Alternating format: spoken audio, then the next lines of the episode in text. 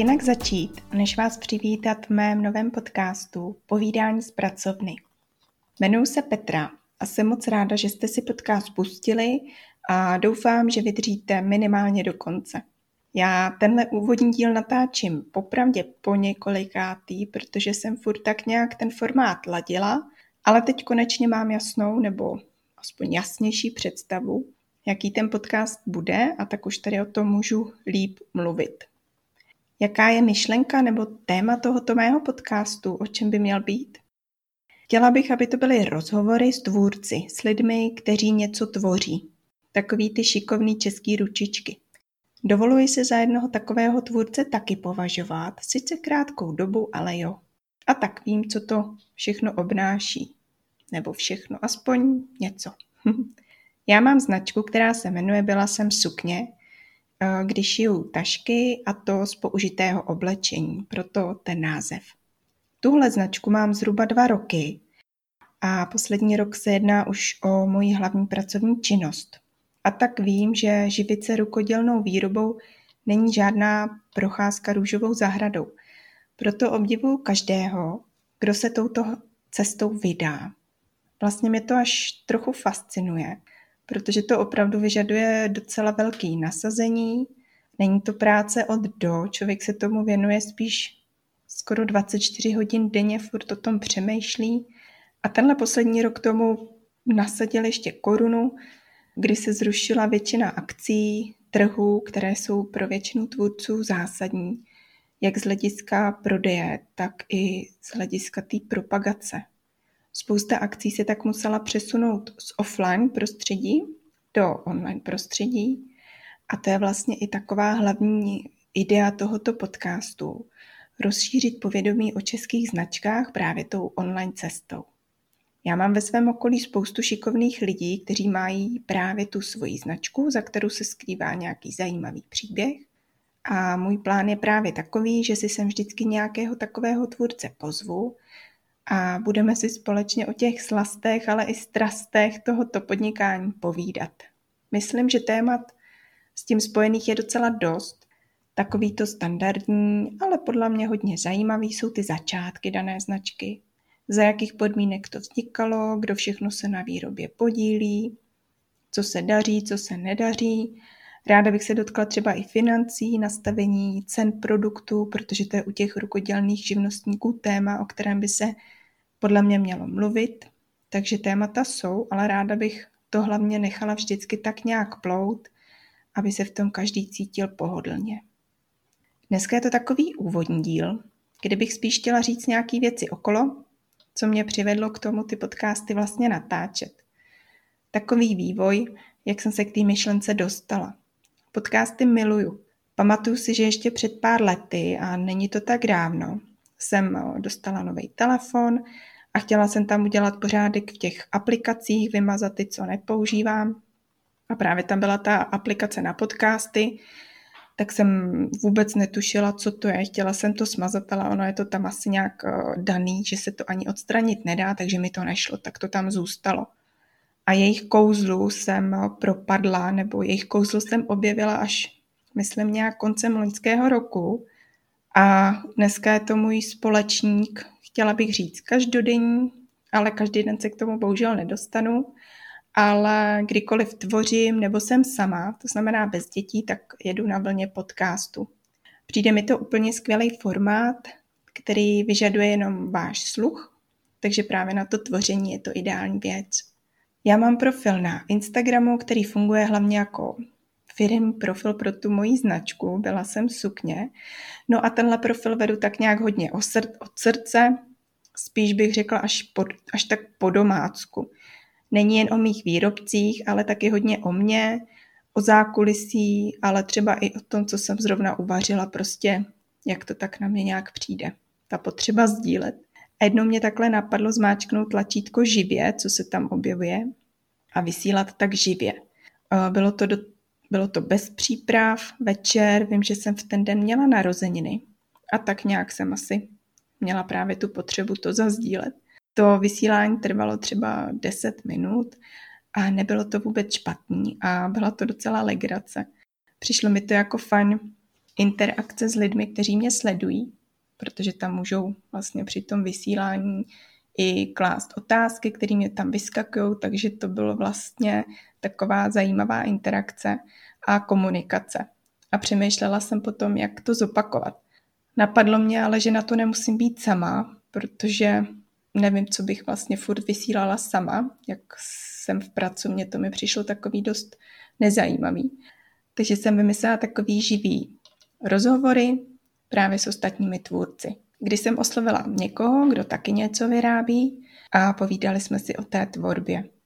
Ve finále těch dílů nebylo tolik, myslím pět, protože jsem s tím musela přestat právě z důvodu těžší koordinace, kdy bylo vždycky potřeba dát dokupy můj volný čas, volný čas toho druhého, domluvit termín, být v tom čase opravdu bez dětí, bez hluku a mít dobré připojení. No dobře.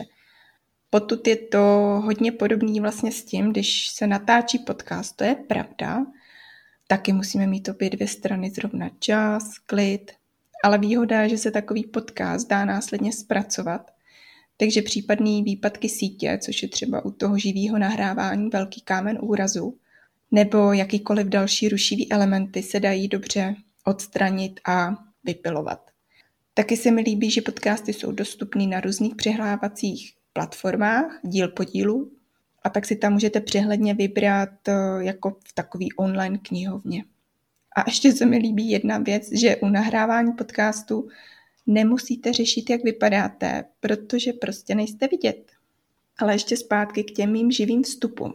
Musím říct, že jsem z toho byla vždycky celý den eh, dost nervózní, aby to všechno klaplo.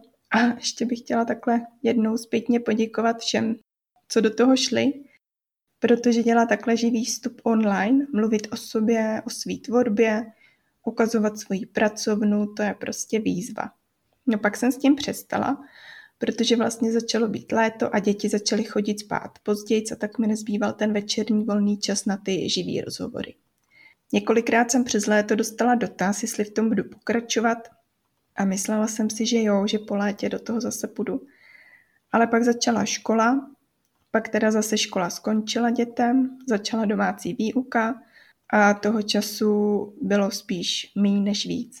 Bylo mi to líto svým způsobem, furt mi to běželo hlavou, jak to vymyslet.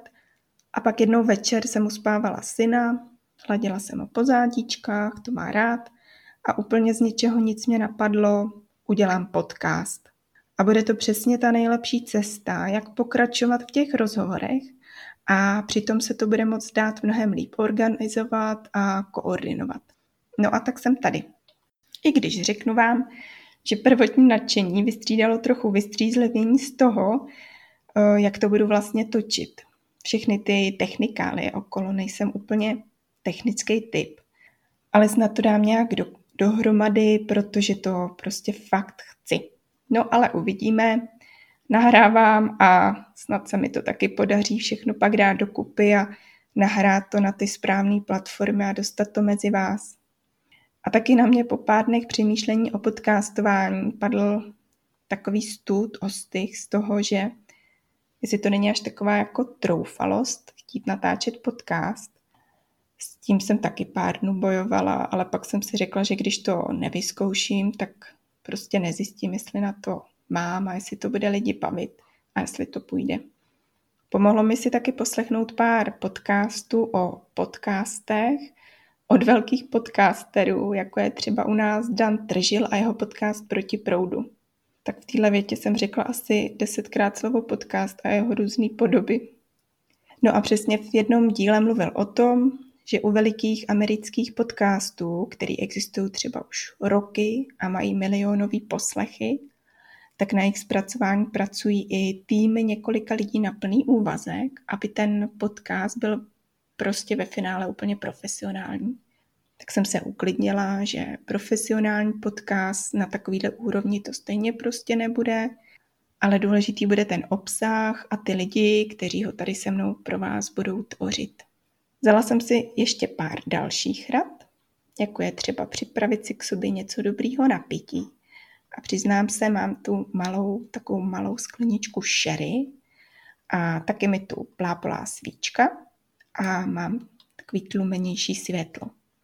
Prostě jsem si chtěla udělat takovou co nejvíc pohodovou atmosféru, aby mi to šlo dobře nahrát a aby to ve finále, ta atmosféra z toho byla třeba i nějakým způsobem cítit. Ještě jsem si napsala taky pár slov, kterým bych se chtěla vyhnout, ale už teď vím teda, že s tím mám problém a dost je používám. Schválně vám je přečtu.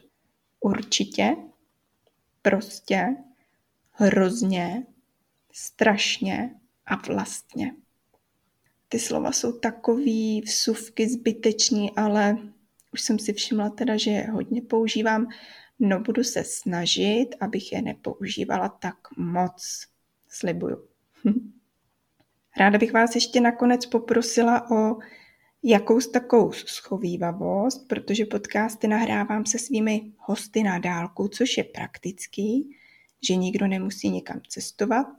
Povídáme si pěkně, každý z tepla domova, nemůžou nás rozhodit ani uh, různý zákazy schromažďování, ale zase na druhou stranu to sebou samozřejmě nese uh, trochu sníženou kvalitu toho nahrávání.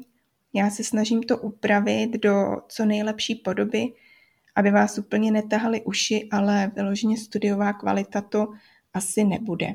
Tak děkuji za pochopení. A co říci na závěr? Myslím si, že jsem toho už řekla docela hodně a těším se. Doufám, že i vy. A děkuji, že jste poslechli až na ten konec.